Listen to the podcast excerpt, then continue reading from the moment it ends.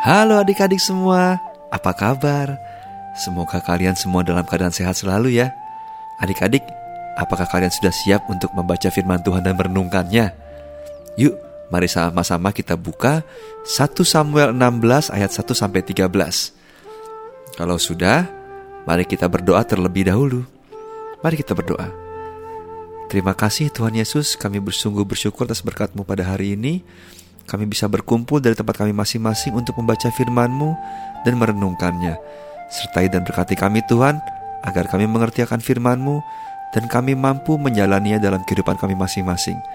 Terima kasih Tuhan Yesus, dalam namamu kami berdoa dan mengucap syukur. Haleluya, amin. Renungan hari ini berjudul Tuhan menetapkan pilihannya.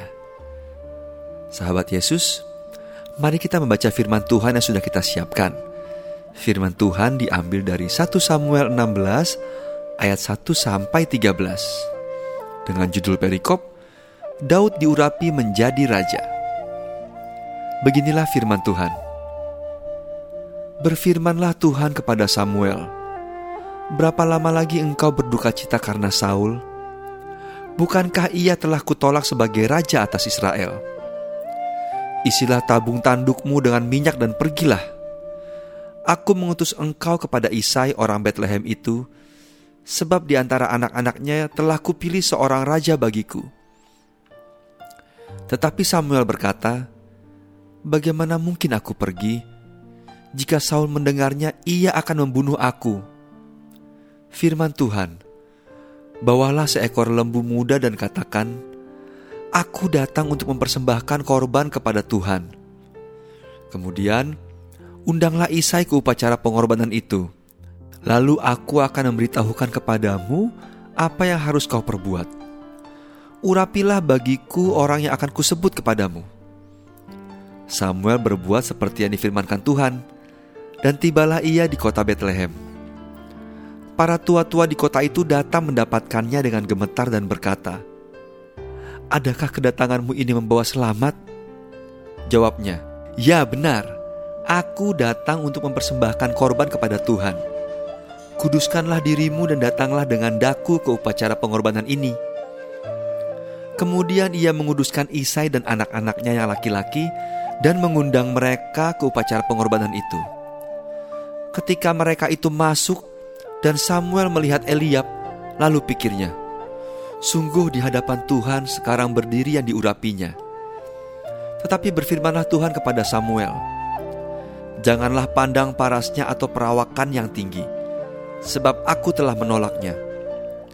Bukan yang dilihat manusia yang dilihat Allah. Manusia melihat apa yang di depan mata, tetapi Tuhan melihat hati. Lalu Isai memanggil Abi Nadab dan menyuruhnya lewat di depan Samuel. Tetapi Samuel berkata, Orang ini pun tidak dipilih Tuhan. Kemudian Isai menyuruh Syama lewat. Tetapi Samuel berkata, Orang ini pun tidak dipilih Tuhan. Demikianlah Isai menyuruh ketujuh anaknya lewat di depan Samuel. Tetapi Samuel berkata kepada Isai, Semuanya ini tidak dipilih Tuhan. Lalu Samuel berkata kepada Isai, Inikah anakmu semuanya? Jawabnya, Masih tinggal yang bungsu, tetapi sedang mengembalakan kambing domba. Kata Samuel kepada Isai, Suruhlah memanggil dia sebab kita tidak akan duduk makan sebelum ia datang kemari. Kemudian disuruh nyala menjemput dia. Ia kemerah-merahan, matanya indah dan parasnya elok. Lalu Tuhan berfirman, Bangkitlah, urapilah dia, sebab inilah dia. Samuel mengambil tabung tanduk yang berisi minyak itu dan mengurapi Daud di tengah-tengah saudara-saudaranya. Sejak hari itu dan seterusnya, berkuasalah roh Tuhan atas Daud. Lalu berangkatlah Samuel menuju Roma. Ketika mendapat perintah untuk menemukan raja baru bagi bangsa Israel pengganti Saul, Samuel menuju rumah Isai seperti yang ditujukan Tuhan. Samuel terpesona dan hampir salah pilih melihat ketegapan dan keperkasaan ketujuh anak Isai. Tetapi Tuhan tidak melihat fisik seseorang untuk dipilih menjadi raja Israel. Maka Samuel menanyakan apakah masih ada anak Isa yang lain? Isai memanggil Daud yang masih sangat belia dengan muka yang kemerah-merahan yang pekerjaannya sebagai gembala. Tak seorang pun akan terkesan dengan kegagahan ataupun keperkasaan laki-laki mungil penggembala domba itu. Namun demikian Tuhan telah menunjukkan pilihannya dan memerintahkan Samuel mengurapi dia. Sahabat Yesus, sama seperti Daud, Tuhan juga melihat hati kita. Tuhan tidak hanya melihat kepintaran, rupa kita, ataupun penampilan kita. Tetapi Tuhan bisa melihat jauh ke dalam hati kita. Apakah kita anak-anak yang benar-benar baik seperti yang Tuhan kehendaki?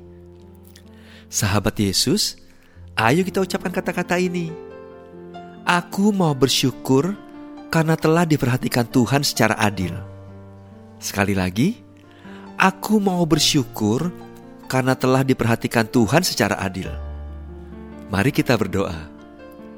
Bapa di surga, Tuhan sungguh adil dan bijaksana yang memilih orang menurut hati dan bukan rupanya. Ajar kami Tuhan juga tidak memandang seseorang hanya dari fisik, penampilan luar saja, tapi belajar untuk memandang juga sikapnya. Terima kasih ya Tuhan, dalam nama Tuhan Yesus kami berdoa. Amin. Nah adik-adik, demikianlah firman Tuhan dan renungan kita hari ini. Sampai ketemu lagi ya. Salam sehat selalu dan Tuhan Yesus memberkati.